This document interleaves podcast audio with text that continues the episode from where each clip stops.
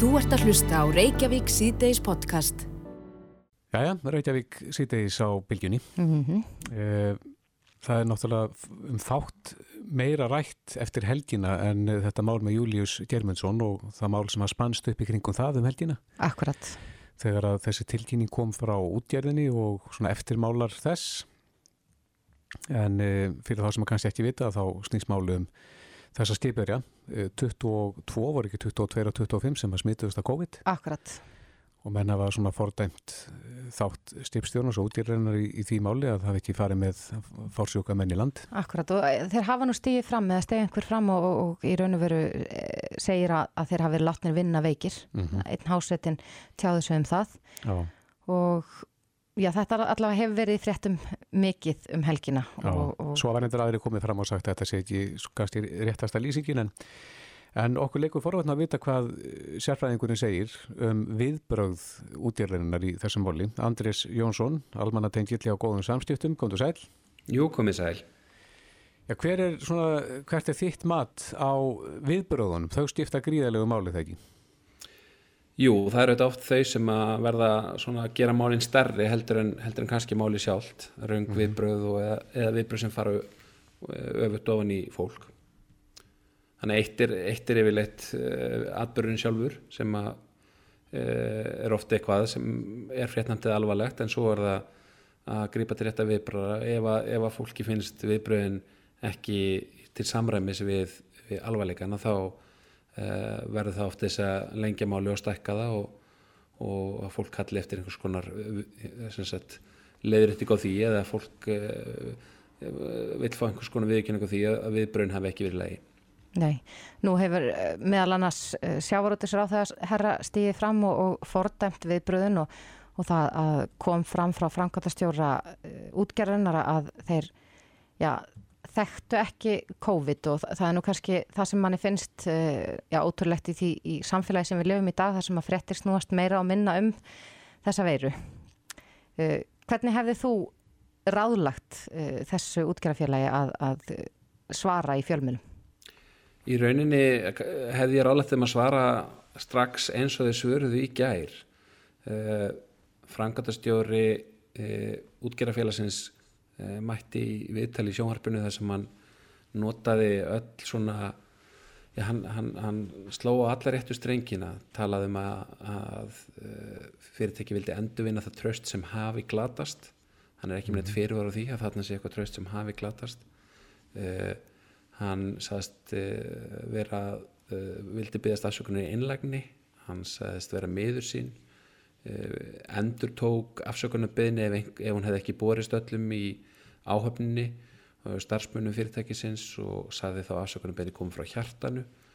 Og að hann slói rauninni þá strengi þarna á fjórða eða fymta degi í, þessari, í þessu máli sem hann hefði þurft kannski að slá á fyrsta degi. En svo vil ég kannski ítrekka það samt að það er auðvöldra um að tala nýja komast og það er ofta ástæður og fyrir því að, að, að hérna menn kannski bregðast ekki alveg nóg vel við í upphafi, það geta verið ymsar bara góðar skýringar því.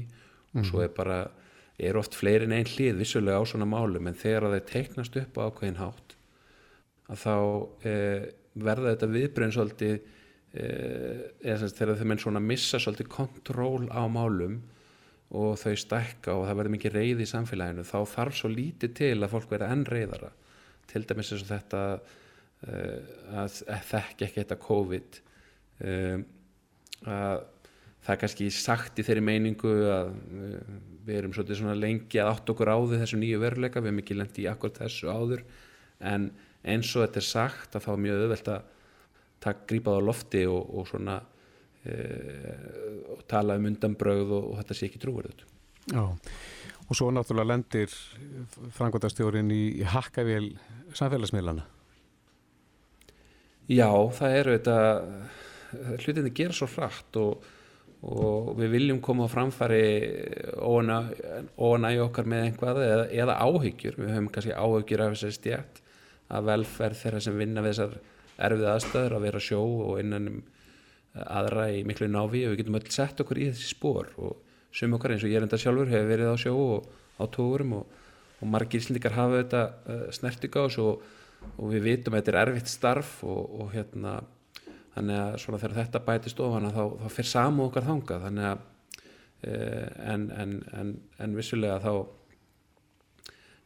þá er þetta uh, líka þetta ganga langt í gaggrinni og, og þetta er þetta við erum öll fólk og við getum öll gert mistök. En, mm -hmm. þess vegna er mjög mikið að koma sem fyrst þanga að tala um mistökin og ekki svona einhver undabröð eða draga, vera að draga úr eða jafnvel setja bann eins og þetta umræta samskiptabann það er eitthvað sem bara virkar ekkert lengur í dag. Þú getur ekki verið minni lindamál þú getur ekki banna fólki að tala.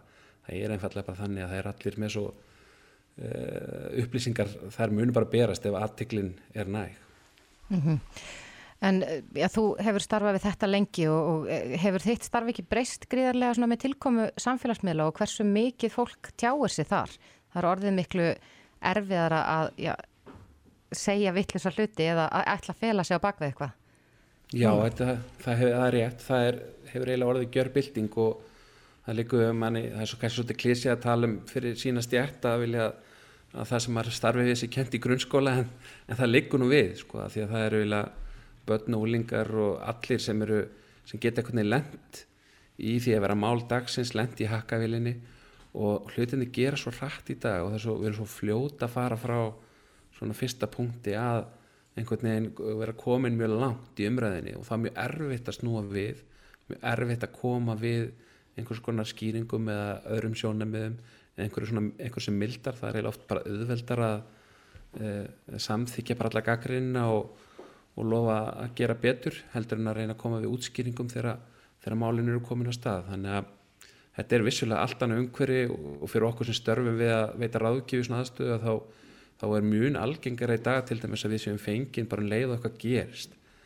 Hvort sem það er orðið að fjölmjölamáli eða orðið á alla vitorði að þá erum við fengið bara um leið eitthvað gerist sem gæti orðið e, e, hérna, erfið umröða það getur verið bara eins og samskipti starfsmann og yfirmanna e, deilur á vinnustad deilur á milli fyrirtækja e, og oft erum við núna að vinna í málum sem eru ekkert sem rata aldrei fjölmjöla mm -hmm og það sem menn eru bara að búa sendi það að hlutinni ger svo hratt þegar þeir rætti fjölmila að þeir vil ekki eh, vil, vilja rauninni vera tilbúinir Já, skrifa undan. Já, vera að skrifa undan og það er mhm. nánast nöðsynlegt eh, eh, Rétt eins í lokin, Andrés ertu með eitthvað ráð til þeirra sem að eins og þú segir, gætu orðið frétt dagsins í dag og, og lendi í einhverjum skítastormi? Fyrstu viðbröð Fyrstu viðbröð er að tala við einhvern annan en vera ekki sinn einn ráðgjafi í slíkri stöðu. Að því að okkur líður öllum illa og okkur finnst við öll vera fórtalam þegar við erum gaggrind það er bara mannleg viðbröð eh, við erum ekki dörfisið þið eða það er allir þannig. Fjölmjölumenn eru þannig, stjórnmálumenn eru þannig. Þeim finnst ósangjart að því að gaggrinin hún eru þetta beinist að einhver einu, hún tekur ekki tillit til eitthvað sem við vitum og einhverju heldarmynd og einhverjum aðstæðum og svo framvegis að en það er ekki það sem þarf að breyðast í það þarf að breyðast í málunum svo blasi við almenningi. Mm -hmm. og þess vegna verður maður að fá einhvern sem stendur fyrir utan. Það þarf ekki endilega að vera almantengslaröki það kosta, kosta mikla peninga heldur allavega einhver sem er bara skinsamur og stendur fyrir utan að ráðleggja er um þín næstu skref. Síðan er mjög gott að hafa aðganga þínum eigin miðlum eins og í dag er mjög öðvelt að vera með Facebook. Mm -hmm. að setja svarið fljótt út þar þá sjá líka þeir sem vilja stiðja þig að þeir geta lækað og síndu stuðning. Versta er eiginlega að þeia þunnu hljóði láti ekki ná í sig uh, vona að máli lí, líði hratt hjá. Mm -hmm. af því að júju auðvitað munum við ekki í smáadrum öll þeim mál, stóru mál svona krísumál sem hafa blásið upp og síðan uh, gengið yfir. En það situr eftir svona sárindi og það situr eftir einhver svona óþægendatilfinning já voru þau ekki eitthvað í einhverju klúðrið voru mm -hmm. þessir aðalega ekki eitthvað neinn þannig að það er þess virði að reyna að breyðast við og, og bregðast við strax. Já, þetta eru góð ráð. Andris Jónsson, almanna tengill hjá góðum samskiptum. Kæra þakki fyrir þetta. Takk fyrir. Þú ert að hlusta á Reykjavík C-Days podcast. Glæð mörg á eða hlustu upplýsingafund almannavarna í dag mm -hmm. en ja, nú hafa 79 smitt verið rakinn til hópsíkingar á landakoti. Já. Það eru 50 manns, eða 51 sjúklingur likur nú inn á landsbytala með COVID-tengt veikindi mm -hmm og eh, já, spítalinn er að búa svo undir erfiðast tvær veikur. Einmitt, þetta eru sárarfréttir svona inn í, inn í þetta fréttaflóð af eh, ástandinu þar sem að maður svona sá fyrir sér kurvin að vera á leiðinni niður en, mm -hmm. en svo var nú tímin eftir að leiða það í ljóskort að með nái tökum á þessari hópsýningu eða hvort að þetta hefur dreift sér eitthvað í samfélaginu en, en eh, já, ekki góðar fréttir að þetta mörg smitt megi reykja inn í heilbriðstjærfi sjálf sem að Nei. ætti nú eh, öllu jafna að vera með allt sitt á hreinu Akkurat En núna sko hafa 115 einstaklingar verið lagðir inn á sjúkrós vegna mm -hmm. COVID-19 í þessari þriðju bylgu á meðan að í sko fyrstu bylginu voru það einungis 105 mm -hmm. þannig að við erum að sjá uh, fleiri innilegjandi á sjúkrósi heldur en við sáum með fyrstu bylginu Og þetta er viðkvæmastu hópurinn þarna sem að umræðir en Pál Mattíasson, fórstjóri landsbyttalans er á línu, kom til sæl Já, komið sæl. Eh, Er þið einhverju nær um hvernig þetta gatt gerst? Eh, ekki á þann hátt að ég geti eh, sagt neitt núna, við erum að skoða þetta og ég vona nú að við áttum okkur á því þegar liður á vikuna. Það sem ég vildi segja er að við munum alltaf ná tökum þessari úpsíkingu, það er enginn vað á því. En það má segja að við, og kannski var það bjart sín að ég myndi að sér að maður myndi sleppa við alvarlega síkingu svona viðkvæmum hópið því þetta er það sem við höfum verið að sjá í öðrum löndum en við vorum farin að vona við myndum sleppa ekki síst það sem Bilgja 3 var á niðurleið þegar þetta gerist mm -hmm.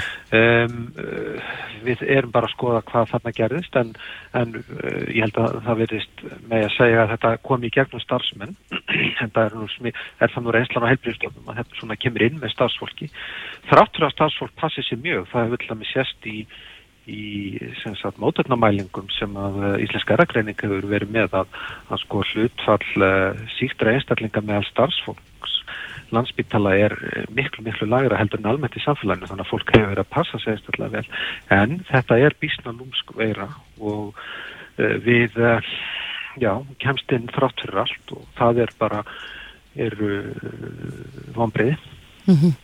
Eru þið með uh, já, plan í gangi til þess að takast á við þennan fjölda fól sem liggur nú inni? Já, við erum það og við sjálfur sér erum með landokot hefur raunni verið, það er einn deild þar, það sem ekki er neinn síking og hún er svo sem bara, það er ekki verið að leggja neina nýja þar. Síðan eru hérna deildirnar, þá deildir fyrir COVID-veika einstaklinga eða COVID-síkta einstaklinga og síðan einstaklinga sem er í sótkví En þegar fólk veikist þá er það fæst yfir í fósu og það hefur nú ekki komið til þessi dag að það hafi þurft að færa neitt og þar eru sem sagt í rauninni þrjár COVID-deildir ef svo maður segja sem eru það fyrir fólk sem er veikt af COVID.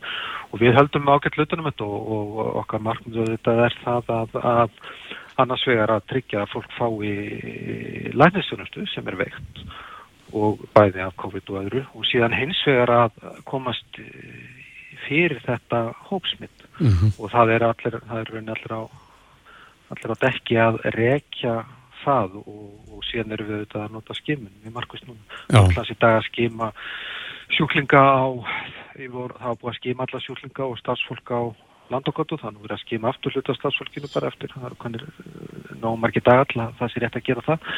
Og en síðan var í dag verið að skima uh, sjúklinga á uh, sem sagt öðrum öldrunadeildum og endurhæfingu það sem eru viðkvæm sjúklingar. Og, og við erum sem sagt í rauninni að gera allt sem við getum til að komast fyrir þetta og mhm. annars vegar og hins vegar erum við auðvitað að reyna að skilja þannig að við erum sko sérkarnar sjúkrós, við byggjum á gaggrendir þekkingu og við verðum að skilja ef hægt er hvað fór þarna úrskiðis. Já, Nú hafa mörg fyrirtæki gripið til þess ráðs að hólfa niður uh, fyrirtækin, það er að segja að passa að starfsfólk sé ekki að hittast. E, til dæmis í þessu fyrirtæki hér er ekki samgangur millir hæða, það er búið að loka mötunættinu og annars slikt slíkar ástafinir. Hvernig er þessu hátt að vinna á spítalanum er eins og eina landákvoti? Er, er engar hólfanir þar? Sko við höfum uh, í ákveðnum það, það sem eru mjög viðkvamar sérgrunra ræða og mjög fáa sem að uh, hafa við komandi þekkingu, þá höfum við gripið til þess ráðs að, að nota hópaskiptingu þar sem hægt er. Uh, á stöðum eins og landokvöldi þá er náttúrulega sjúklingunum, er, þeir eru með skipta á milli delta og þá má segja sér viss hólfun þannig. Hins vegar höfum við ekki farið í það að til dæmis varðandi ég mist fagfólk sem að veitir þjónust á fleiri neitni deild, að við hefum ekki verið að hólfa það nákvæmlega á milli delta uh, einfallega til þess að nýta sem besta stafsfólk og við höfum líka treyst á þær sótvarnir sem að viðhafar hafa verið.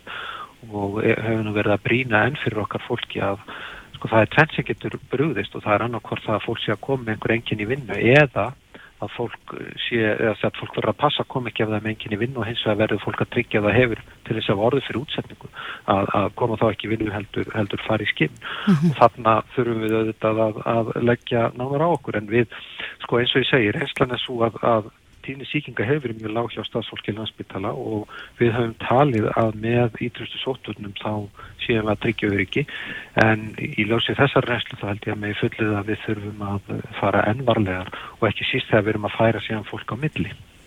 Já, en þessi faraldur hefur auðvitað haft já, greiðarlega áhrif á spítalan en, en það, ég las hérna í frettum á hjá ríkisútvarpinu að, að það megi búast við því að um 60 til 65 valkvæðum skurð aðgerðum og öðrum ífarandi aðgerðum verið fresta daglega á landsbytalunum næstu tvær vikur. Um, hvernig sjáu þið fyrir ykkur að vinna upp, uh, já, nú er, hefur oft verið talað um byggðlista en þeir hljóta að lengjast núna þegar að frestaðar aðgerðum? Jújú, jú, þeir, þeir lengjast auðvitað meðan á þessu stendur og, og maður kannski sér kannski ekki það, á listunum sjálfum strax þegar þessu líkur, það, það líka stafsfólk að meta og setja fólk á bygglista en þegar framísækja þá munum þeir lengjast. Við hins vegar þá bara þurfum við að gefa í og, og, og hafa bæta við aðgerðum og hafa átök. Og við höfum gert það. Við að gekka ágætlið í sumar að, að uh, vinna á þeim bygglistum sem að söfnuðust upp í, í því stoppið sem að var í vor. Og uh, var nú lengra heldur það sem vonust að verða þessu sinni. Já, en svona í ljósi þessar sýtinga á landakoti hverja verða svona fyrstu aðdýrinnar hvað, hvað er þetta að læra svona í fyrstu aðdýrinu og hvað má bæta? Ég, ég, held að, já, ég held að við þurfum það sem við aðgerðnar er náttúrulega snúast um það að tryggja heilbríðsjónast og síðan að komast fyrir þetta smitt varandi lærdóminn og þá held ég að við þurfum bara enn frekar að ítrykka fyrir fólki að uh, fara valega beita ítrustu uh, smittvörnum og ef það hefur minnstagrunum að það geti hafa smittast annarkvæmt verna þess hverja það hefur umgengist eða verna einhver engjana að, að koma ekki til vinnu heldur hafa samband og láta það skoða sig uh, því að það er allur varin góður og síðan uh, þurfum við að fara enn varlegar heldur en við höfum gert þegar kemur að því að færa sjúklinga á milli stofnuna.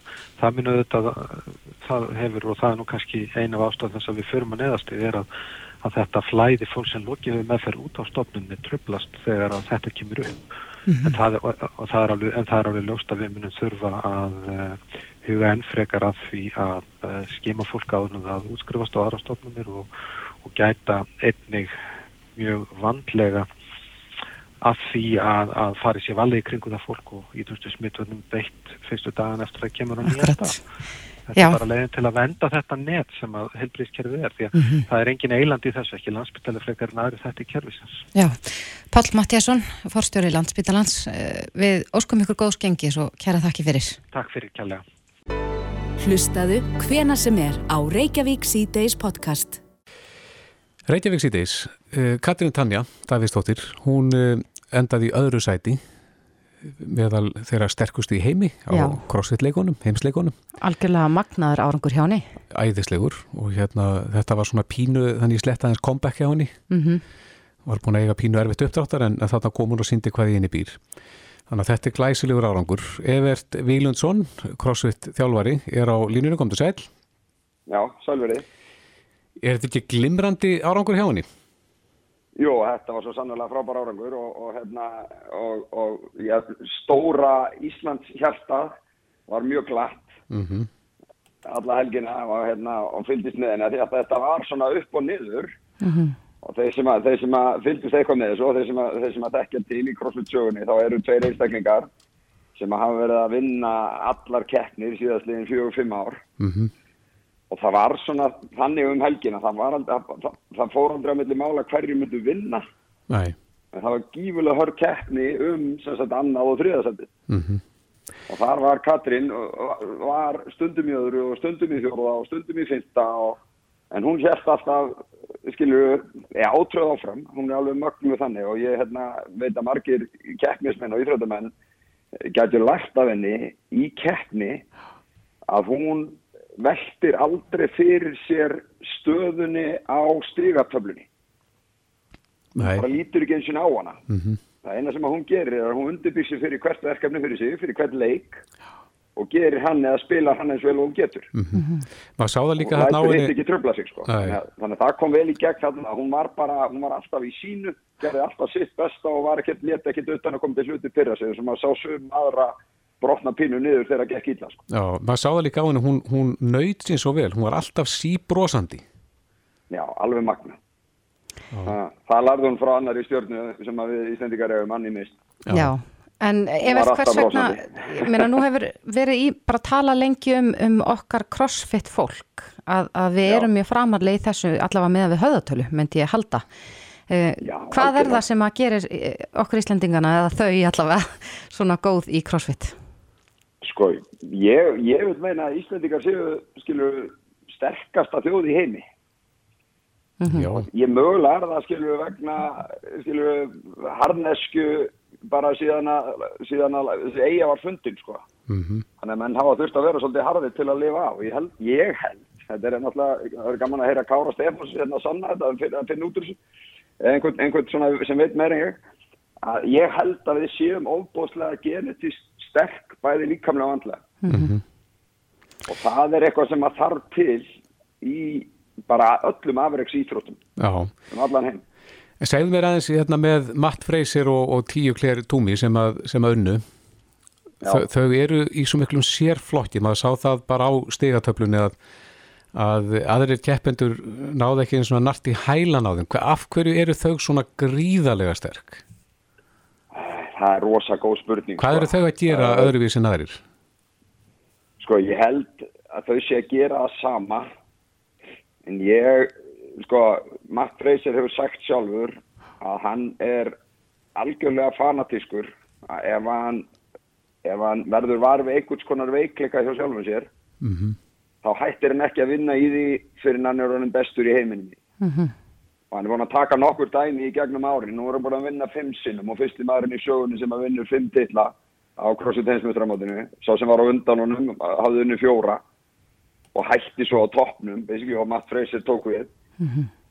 En, en hann hefur sagt að í mörgum viðtölum að hann bara hættir ekki að vinna í sínum veikleikum í staðin fyrir eins og kannski margir aðrir forðast veikleikana.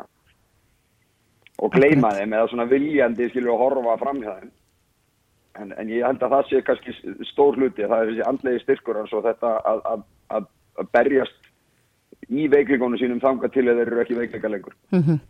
En eh, aftur að Katrínu Tönju og hennar árikum, uh, hún er hún var talin svo mögnuð í þessari keppni að yfirmenn crossfit leikana ákvaða verðluna hana sérstaklega uh, með þessari þessum kvartningarverðlunum eða eitthvað slíkt. Ok, nú eru þið bara að segja mig frétti Já, hún var valin, sko- hún var valin Spirit of the Games fyrir að vera svo sem var með besta Já. keppnisandan. Og þetta kannski eh, svona, hljómar svolítið við það sem þú sagðir áðan með að hún var, gerði þetta allt með bros og vör. Já, Er- er- er það mikill heiður að fá þessi ef verðlaun? Við horfum á þetta, það var hérna ein, ein grein hérna sem að var sem sagt 5 kilometra svona einhvers konar fjallaflöp Mhm. Í ofbóðslega erfið umhverfi bratt bæði upp og niður og lausmöl og, og alls konar gróður sem var fyrir þeim og eitthvað. Og sem sagt í keppni hefbundið þá, þú veist, þegar menn eru komnir í mark þá eru þeir búnir.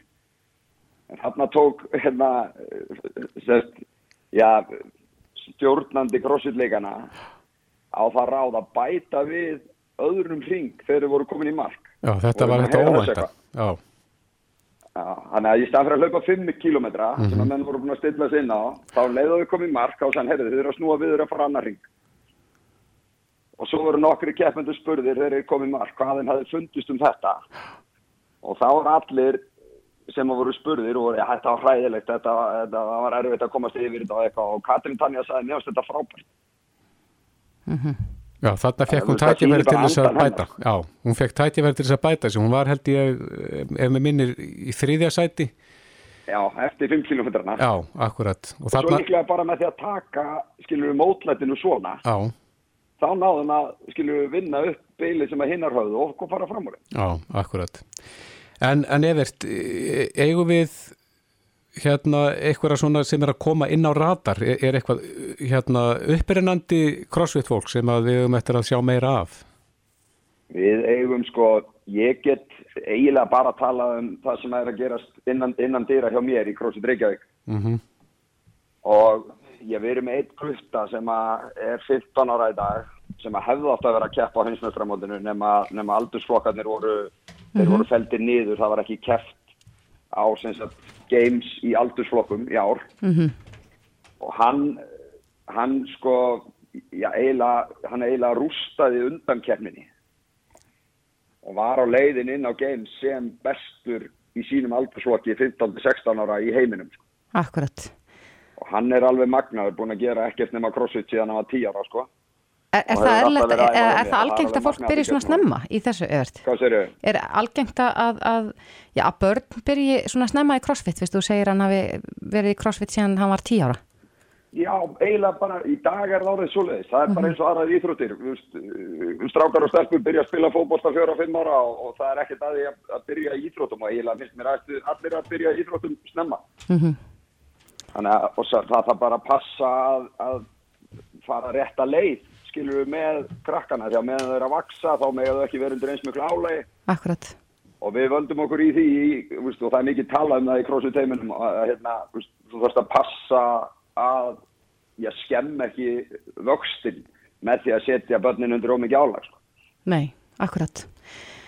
En já, þetta var allavega frábær árangur hjá henni Katrín Tönju og við hlökkum þetta til að fylgjast áfram með okkar flotta crossfit fólki. Evert Vílundsson, crossfit þjálfari, kæra þakkir. Takk fyrir mig.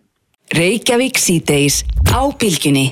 Reykjavík síðdeis, klukkuna vantar rétt um 15 mínútur í 6 en uh, eitt af málunum sem að vöktu svona mikla aðtegli og óhug hjá fólki um helgina það var þessi fæsla sem að móðir í Garðabænum settin á fjörsbókarsíðuna þar sem hún lísti grói einhelti sem var sonurinnar 11 ára af því orðið fyrir og þetta var skjálfili lýsing og ég veit að það voru mörg tár sem að runnu hjá þeim sem að lásu þetta en það er reynd helviti að, að upplifa þetta mm -hmm. og einheltismálu þetta bara maður fyllist óhug við tilugsunna að, að, sko, að börnum skuli líða eitla yfir höfuð og, og hvað mm. þá þegar þetta er svona já, alvarleg tilvík eins og þessi Mitt og við hefum fengið, fengum símtæl hérna í símatíma aðan frá móður sem að lísti einhelti sem að dóttir hennar var fyrir fyrir 20 mm. ára síðan og þetta setur í þetta, þetta, þetta grefur um sig hjá þeim sem að verða fyrir.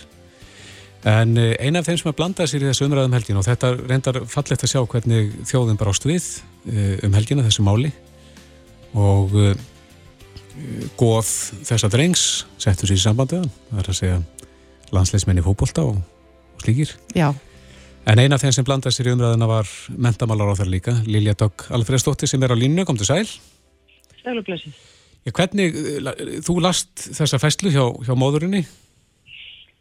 Já, ég las hana og, og hún náttúrulega kom við mig eins og, eins og marga aðra mm -hmm. og og við vitum auðvitað líka að þetta er ekki þetta er ekki einamálið og einastis mál þá fyrir miður ofta viðgangast of lengi vegna þess að, að það reynist ofta erfitt að taka á þeim og ég er hef nú kynnt með málið svolítið um helgina og bæði minn, minn hugur og mín stefna er svo að styðja betur við skólasamfélagi til þess að sé hægt að taka á þessum málum með markusæri hætti mm -hmm. og við erum með til að mynda e, fagur á einn eftirsmála hjá metamálastofnun og ég hef hugað því að styrkja enn frekar við það og setja undir það lagastof til þess að þetta sé í svona örugum farfiði.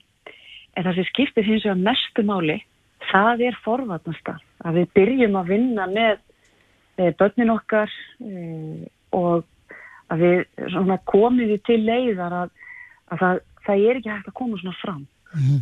og nú veit maður ekki maður veit ekki alltaf nákvæmlega hverjar, hvernig svona er tilkomið og, og það kannski skiptir ekkit öllu máli en, en þeir sem þekkja best til og eru okkar svona færisti sérfræðingar, þeir segja að best sé að byrja mjög snemma á því að, að, að skólabragunum sé með þannig eh, hætti að þetta sé bara, þetta fá ekki að viðgangast og Nei. ég heyri á skólafólkin sem ég er búin að tala við svolítið mikið um helgina að þeim finnst eins og þau skorti ákveðin verkværi til þess að fá striðita með markusar hætti.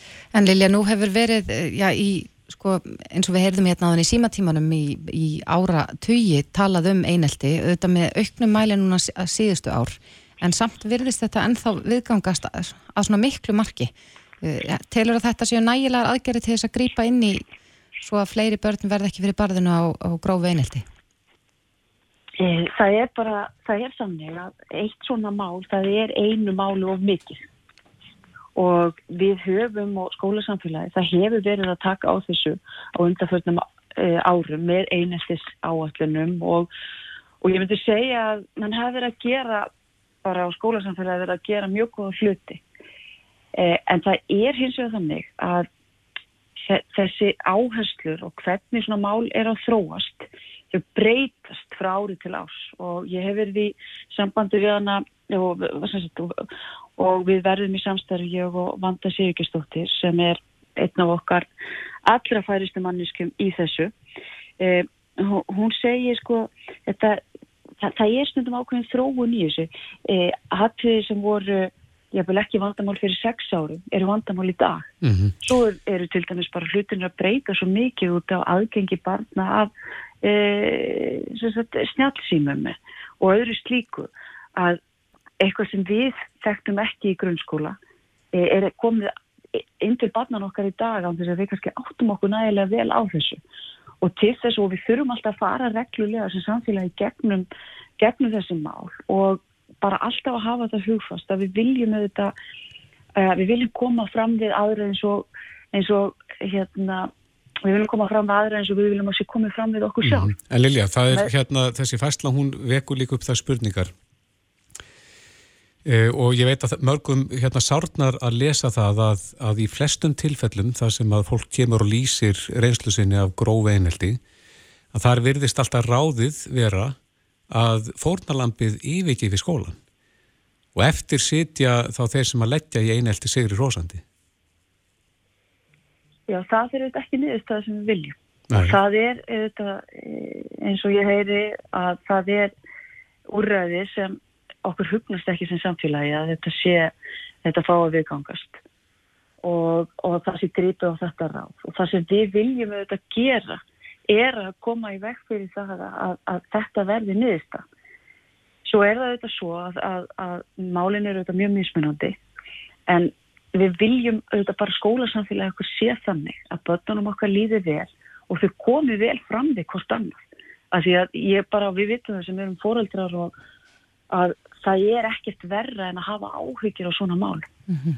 Og við vitum og ég, þau var grein í morgunblæði fyrir svona ég ætla þessi ekki svona tvö ár og ég var að kynna mér bara þann samfélagslega kostna sem hýsta einelti, einelti og, og fyrir einstaklingar sem, sem verða fyrir þessari skjálfilegu uh, lífsveinslu að það, það sko hleypur á miljörðum aftur miljörðum vegna þess að þetta eru oft hann í mál að einstaklingun hann, hann, hann er að burðast með þetta í langan tíma inn í sínu lífi og stundum endar þetta mjög á allra, allra versta uh, vestahátt og við viljum, viljum ekki sjá það. Og ég, mér finnst líka að maður bara finnur það margir sessi í samband við mig um helgina og, og í dag að ég hef þá trú að Íslands samfélag vilji ganga mjög látt í því að uppræta þetta. Mm. með því að aðstúða skólasamfélagi og styrkja það og ég vil líka taka fram að ég hef verið í sambandi við sjálandsskóla og skólastjóran þess og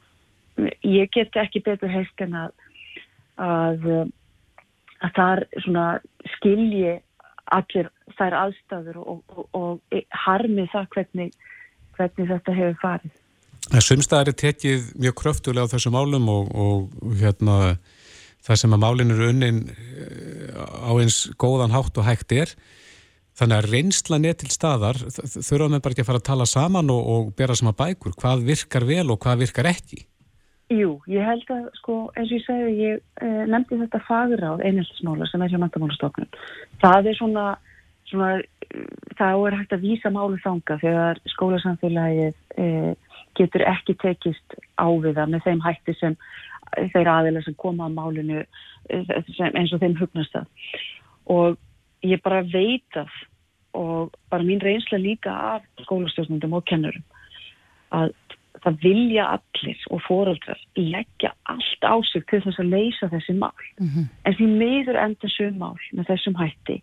Og við viljum bara koma í vekk fyrir það og styðja betur við fyrsta lagi náttúrulega nefndan og fóröldrarna og skólasamfélagið mm -hmm. og það sem ég auðvitað sitt og hugsa þegar, þegar maður lesum svona og þeir svo að kynna sér það. Hvernig getur við nummer eitt komið í vekk fyrir þetta? Hvernig getur við stutt betur við, við e, skólasamfélagið og við nefnandan og fóröldra og, og svo hvernig e, og hvað getur við nýtt líka af þessu einslu sem nú fegar er til? Að ég veit og svo eru margir búin að setja þessi í samband líka þar sem þetta, þar sem þetta gengur vel og við viljum læra af því. En nummer 1, 2 og 3 er að, að við erum að ég, ég fæ tilur frá henni vöndu og við höfum verið í svona óformi og samstarfi núna e, um nokkurt skeið og hún mun vinna að tillögum til mín sem ég mun vinna með metamálastofnun og skólasamfélaginu. Hvernig við getum styrt þetta Já. og það vil ég allra að gera En nú hefur stundum komið upp í þessar umræðu sko varandi eins og hjallastefnuna þar sem að þau hafa uh, tekið það ákvörðan að vera ekki með fríminútur vegna þess að oft koma svona málu upp í fríminútum. Hefur það einhver tíma verið tekið til umræðu í almenna skólakerfinu að, að sleppa hennilega fríminútum? Ég hef nú ekki skoðað það með svona, ég hef nú ekki skoðað það sérstaklega en við viljum gera allt sem við getum til þess að þessar aðstæður sé ekki fyrir hendi. Og þar held ég að, að, að forvarnir og að, að brína fyrir börnunum okkar að koma vel fram við önnu börn og passa upp á þá sem eru í viðkvæmri stöð og það þarf ofta ekki nema nokkra sem eru öflið í því að hugsa svona til þess að koma í vekk fyrir það að skólabaragurinn verði ekki kannski eins og við viljum hafa. Já. Lilja Dögg Alfredsdóttir, mentamálar á þeirra. Kæra þakki fyrir þetta. Takk sem að leiðis. Reykjavík síðdeis á Bilginni podcast. Reykjavík síðdeis heldur áfram. Við uh, töluðum nú við Pál Mattiasson hérna áðan, mm -hmm. fórstjóra landsbítalans, en staðan á spítalunum er alvarleg og við komum meðal annars að því að, að um 60-65 valkvæðum skurðaðgerðum og öðrum ífarandi aðgerðum verið fresta daglega á landsbytalan næstu tvær vikur. Mm -hmm. Það er alltaf að tala um bygglistana, bygglistana er lengjast en, en svo er það, eh, var tekin ákvörðin í loka ágúst um að við erum ekki lengur að, að senda sjúklinga erlendis í hefur aðgerðir. Það, nei, hefur það verið gert eh, hérna, bara á þessu ári að ykkur ráði? Ég, ég held að hafi farið aftur í gang sko eftir fyrstu bylgjuna, mm -hmm. eftir því sem ég best veit, en nú er alltaf búið að taka alfari fyrir það sko nema í einhverjum algjörum undatekningatilveikum þar sem að þetta eru bráðnöðsynlar aðgerir, mm -hmm. en við töluðum við Marju Heimistóttur, forstjóra sjúkratrygginga Íslands hér um daginn og spurðum hann að því hvað, hversu eða, þessi tveir miljardar sem eru eirnamertir í, í e, þessar aðgerir að senda -hmm. fólk erlendis, hvort það væri hægt að nota það á einnalands? Uh, nei, ekki eins og hlutum er komið fyrir. Það er þannig að á fjárlögum að þá er þessi peningur í rauninni alveg eirnamestur því að, að fara í erlenda þjónustu og um, það hefur ekki, þetta er í rauninni ekki fjármaks sem við getum flutt til innlendra veitenda. Nei, það þingi þetta að koma þar til mm. og við heyrðum í síma tíma hérna á þann að það er fólk sem að býður á þessum listum sem er bara sár kvalið heima. Mm -hmm. Einn sem er hingd á hann sem er búin að býði 14 mánuði og þar sennilega býða í tvo mánuði viðbót svona með það við stöðuna en uh, eh, Ásmöndi Fridriksson annar var að formaður velferðanemnda þingsins er á línunni, kom til sæl. Já, komið sælir Já, þessi spurning kom meðal hans fram í símetími hérna aðan, það er spurt hvort það sé ekki að nýta eitthvað af þessum fjármunnu, þessum 2 miljardum í að framkvæmða þessar aðgerri hér innanlands. Já, það er eiginlega spurning. Og hún, Marja vingur okkar, hún svara þessu alveg hárið, hún fjárlög er náttúrulega fjárlög sko, það er, það, það er, það er lögbundið að, að þessi uppæði skuli notast í þennan lið mm -hmm. en, en núna náttúrulega eins og þeir komið hér inn á aðan að þá hefur þetta þessi þjónust það ekki verið nýtt elendis nefnir neðartilfellum út af COVID og, og, hérna, og þá kannski liggja þessi peningar ónýttir. Og fólk kvelst. Og, og fólk kvelst, það er náttúrulega rest af öllu mm. og ég er nú reyndar núna með viðslu um að við að kanna stöðun á þessum bygglislum og sem að hafa nú því miður ekki styrst mikið hjá okkur þráttur að við höfum gert ímsar aðgerðið í því að bæði með beinum framlögum og, og öðru þá bara fjölgar þeim sem að þurfa á þessu þjónustu að halda og, og, og við höfum ekki alveg náða að beisla ástandið og þurfum að nýta alla þau, þau tæki sem við höfum en, mm -hmm. en til þess að, að, að við getum sagt, nýtt þessa peninga hér á landi þá þarf lagabreitingu og það er tækifæri núna í nógumverð þá verða koma fram aukafjárlög út af út af því sem aðgjörðum vegna COVID og þá, þá er hægt að koma með breytingatillögu á því að, að, að nýta þessa peninga til að gera það hér innanlands samkvæmt væntalega á nánara nánara skilgreiningu í, í, í, í lagabreitingu inn í, mm -hmm. í fjárökulögum sem koma fram. En býstu við því að, að þetta myndi fara í gegn á þinginu? Það hefur nú verið tölverð svona mótspilna við því að, að hleypa engaðalum að Eh, hvað var þar til dæmis eins og liðskipta aðgjör annað slikt, heldur að þetta myndi fara í gegn? Sko þessi liður náttúrulega er á, er, er á, er á valdi hilbriðis ráðherra, þannig að það þarf auðvitað að gera þetta samráði við ráðherran með það. Ég, ég hef verið þeirra skoðanar og, og, og eins og margir það er að, að við eigum auðvitað að gera allt okkar til þess að, að styrta þann tíma sem fólk fara að býða. Það, það eru það eru reglur fyrir því hvað, hvað, hvað má býða lengi, ég held að þessi 90 dagar eða eitthvað slúið sem, sem er telst eðlilegt og eftir það máttu, ef við erum rétt á þessum að sækja eðlindist. En ég held að það sé bara mjög eðlilegt að, að við reynum að, að, að nýta þá aðstöðu sem hér er vegna þess að hún hefur, og þeir hafa sagt að þessi tilbúin að gera aðgerðarnar bara, bara sambælu verði og, og það er kosta okkur á landsbytarnum, þannig að ég held að að það séur en ekki spurning að við hefum að styrkja bara okkar kerfi innanlands mm -hmm. hvort sem það er enga reikið eða, eða reikið ríkinu að því að það, bæði þessi kerfi skipt okkur miklu máli og, og, og það er nú cirka þannig að alltaf ekki 35-40% helbriðskerfinu sem er útvistað til, til hérna, aðla og, og það er bara mjög eðlilegt að, að við, höld, við höldum báðum þessu kerfum bara bara á tánum mm -hmm. og, og, og, og fólk sé bara og við nýtum alla þessa, eða svo í sleppinu þessar resursa til þess að hérna, stýta beilistara og koma hilsu fólksila með ég veit að það skipt bara allir máli. Já, en þetta eru tveir miljardar sem eru erðnamertir í þessar algjörðir Erlendis á eh, ári. Er þetta bara orðalagsbreyting sem það þurfti að, að framkvæma í, á þingi? Það er, ég gerum ráð fyrir að þetta koma bara fram til að um það. Ég það, það er náttúrulega tæknileg útværsla sem að skrifstóða þýnsinu myndi þá leggja fram aðslokku með við, við, við þurfum bara að ræða þetta í þýngloknum og síðan þarf að ræða þetta við ráþarann og, og, og mér finnst bara eðlert að þessi peninga detta allavega ekki niður döðir á þessu ári. Mér finnst það sé bara mjög mikilvægt. Já, þessi er nýttir í, í þetta. Það var mjög góð ábyrning til okkar. Já, og sér það fyrir að þú tækir þetta upp á þingi? Ég mun byrja því að ræða þetta í þýngloknum á, á miðugudaginn mm -hmm. og, og, og við fjármálaráðurann og, og í framaldinu þá hérna taka þeir þetta væntalega bara upp í, í, í ríkisjöldinu. Ég hérna gerir á þeirri því að, að það sé verið að leita allra leiða þess að nýta alla þá peninga sem eru í heldurinskerfinu þannig að þeir nýti sem best mm -hmm. og ég treysti ráð þeirra til að gera það og við, við munum fylgja hjálpaðum til þess. Já. Við fylgjumst áfram með þessu Ásmundur Freiriksson, þingmaður og... Já, þetta er bara mjög gott hjá okkur og hérna takk fyrir að vekja máls á þessu góða máli eins og svo mörg öðru sem þið gerir. Já, kæra og þakkir og takk fyrir. Reykjavík síðdeis á Bilginni podcast. Jæja, Reykjavík síðdeis á Bilginni. Eh, við heyrðum í kveikstættinum um daginn mm -hmm. af rannsókn íslenskar erðagreiningar og reyndar töluðum við, við Kára hér á sínu tíma. Já um þessa rannsók sem að tilstóðað að setja COVID-sjúklinga í eða þá sem að hafa smittast af COVID.